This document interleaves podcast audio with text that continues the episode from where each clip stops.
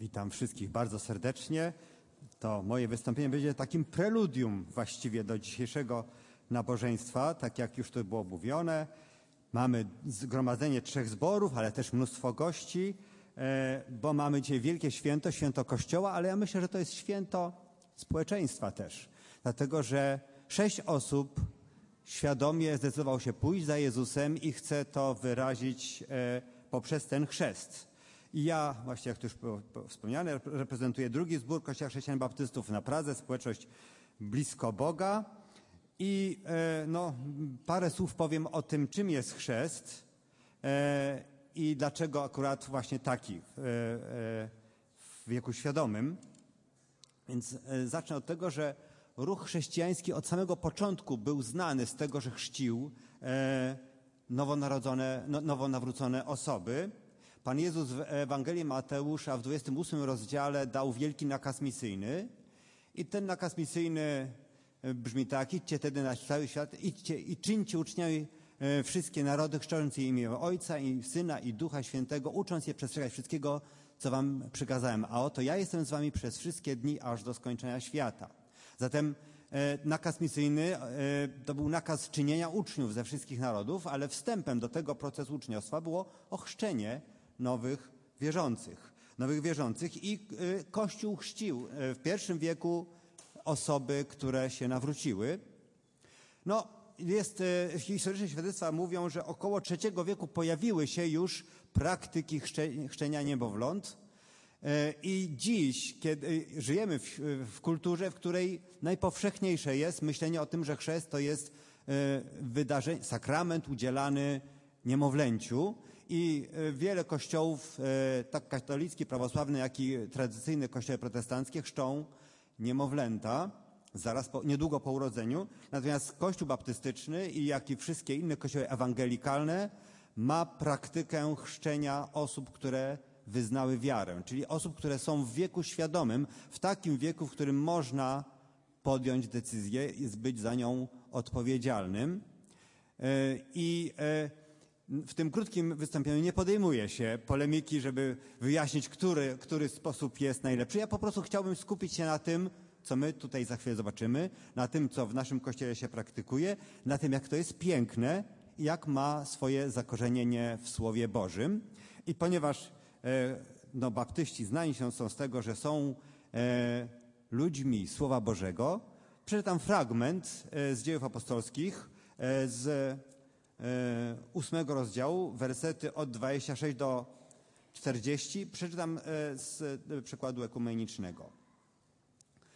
Anioł Pana powiedział do Filipa, wstań i idź około południa na drogę, która prowadzi z Jeruzalem do Gazy.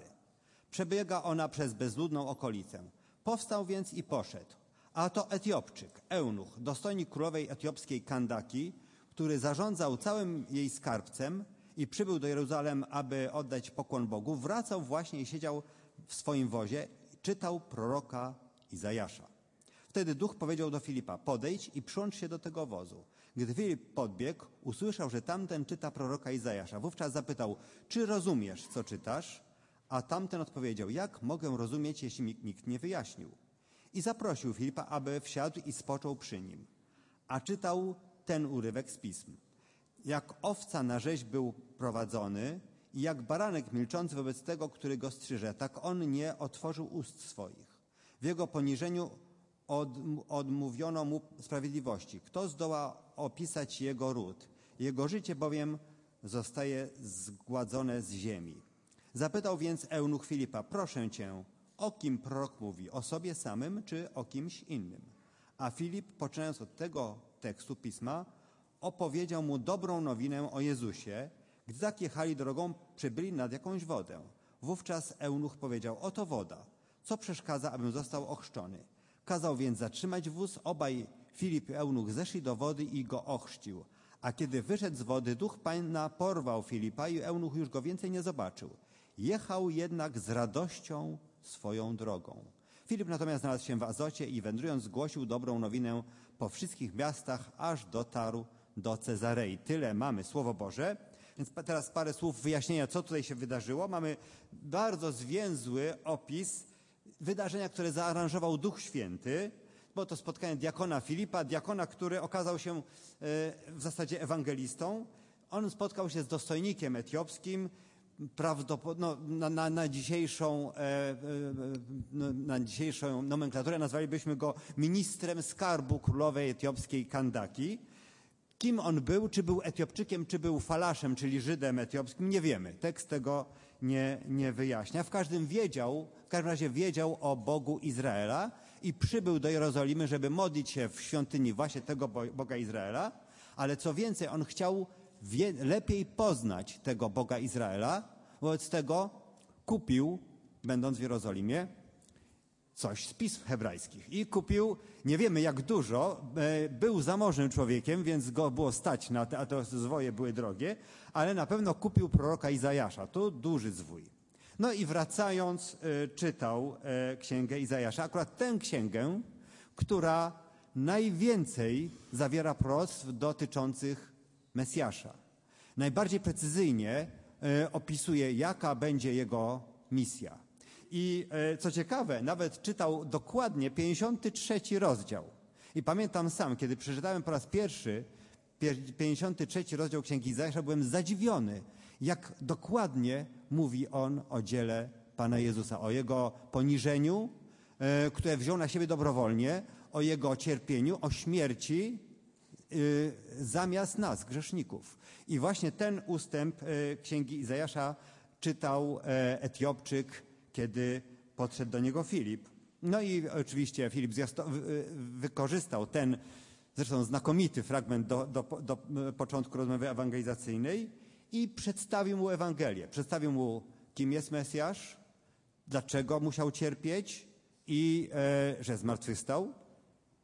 Etiopczyk słuchał tego i uwierzył.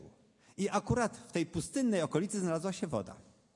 E, tak się złożyło. To też Duch Święty pewnie zaaranżował, że znalazła się woda i e, ten Etiopczyk wyszedł z inicjatywą, co stoi na przeszkodzie, żebym był ochrzczony. On usłyszał orędzie o Jezusie, zrozumiał je, przyjął, uwierzył w nie, więc chciał się ochrzcić. Chciał się ochrzcić i e, Filip oczywiście zszedł z nim nad wodę, ochrzcił go. W jaki sposób go ochrzcił, no ten tekst nie mówi. E, tego. Nie, jest bardzo zwięzły, jest lak, e, dosyć lakoniczny. Natomiast w liście do Rzymian, który dzisiaj już był czytany, w szóstym rozdziale, w wersetach 3 e, i 4, mamy pewien obraz chrztu, który może sugerować właśnie chrzest przez pełne zanurzenie. Tam apostoł Paweł napisał tak, czy nie wiecie, że my wszyscy, którzy zostaliśmy zanurzeni, ochrzeni w Chrystusa, zostaliśmy zanurzeni w Jego śmierć, Zostaliśmy więc pogrzebani z Nim przez zanurzenie w śmierć, abyśmy tak jak Chrystus został wskrzeszony z martwych, dzięki chwale Ojca i my nowe życie prowadzili. Ten fragment sugeruje, znaczy y, daje nam podstawy do tego, żeby myśleć o tym, że chrzest musi być praktykowany przez pełne zanurzenie. Przy czym y, zanurzenie w wodzie symbolizowało utożsamienie się z Chrystusem w Jego śmierci i też symbolizowało śmierć dla naszej starej natury, której rządzi nasze ego. I każdy człowiek rodzi się z taką właśnie naturą. A wynurzenie symbolizowało powstanie, znaczy utożsamienie się z Chrystusem w Jego zmartwychwstaniu i też powstanie do nowego życia. Tego życia, w którym Chrystus jest Panem, w którym nasze ja jest podporządkowane Jezusowi i którym zaczynają pojawiać się owoce, owoce tego nowego życia, owoce działania Ducha Świętego w tej nowonarodzonej osobie. Zatem chrzest e, tak rozumiany i e, tak praktykowany w, Nowym Testamencie, w czasach Nowego Testamentu był, no można powiedzieć, ustanowieniem, można nazwać sakramentem, pewnym wydarzeniem, które e, mm, zaznaczało, że dana osoba uwierzyła w Jezusa, narodziła się na nowo, narodziła się na nowo w, nowym, w Bożym Królestwie i że ta osoba też została przyłączona do ludu Bożego Nowego Przymierza, do ludu, e, który poszedł za Jezusem. I właśnie takiego chrztu za chwilę będziemy świadkami. Ci, e, te sześcioro osób, które tutaj mamy na biało ubranych, wszyscy oni usłyszeli orędzie Ewangelii, zrozumieli je, przyjęli, uwierzyli w Jezusa i postanowili wyznać to publicznie przez chrzest. Zatem e, w tym świecie, który coraz bardziej, tym zachodnim świecie, który coraz bardziej oddala się od chrześcijaństwa, e, w którym coraz bardziej e, ludzie są zagubieni, nawet nie wiedzą w co wierzyć, co, jaki jest sens życia, którzy żyją w duchowej ciemności, te sześć osób, jak światło, jaśnieje, bo oni postanowili iść za Jezusem, za Jezusem, który, trzeba powiedzieć, jest najpiękniejszą postacią w historii ludzkości.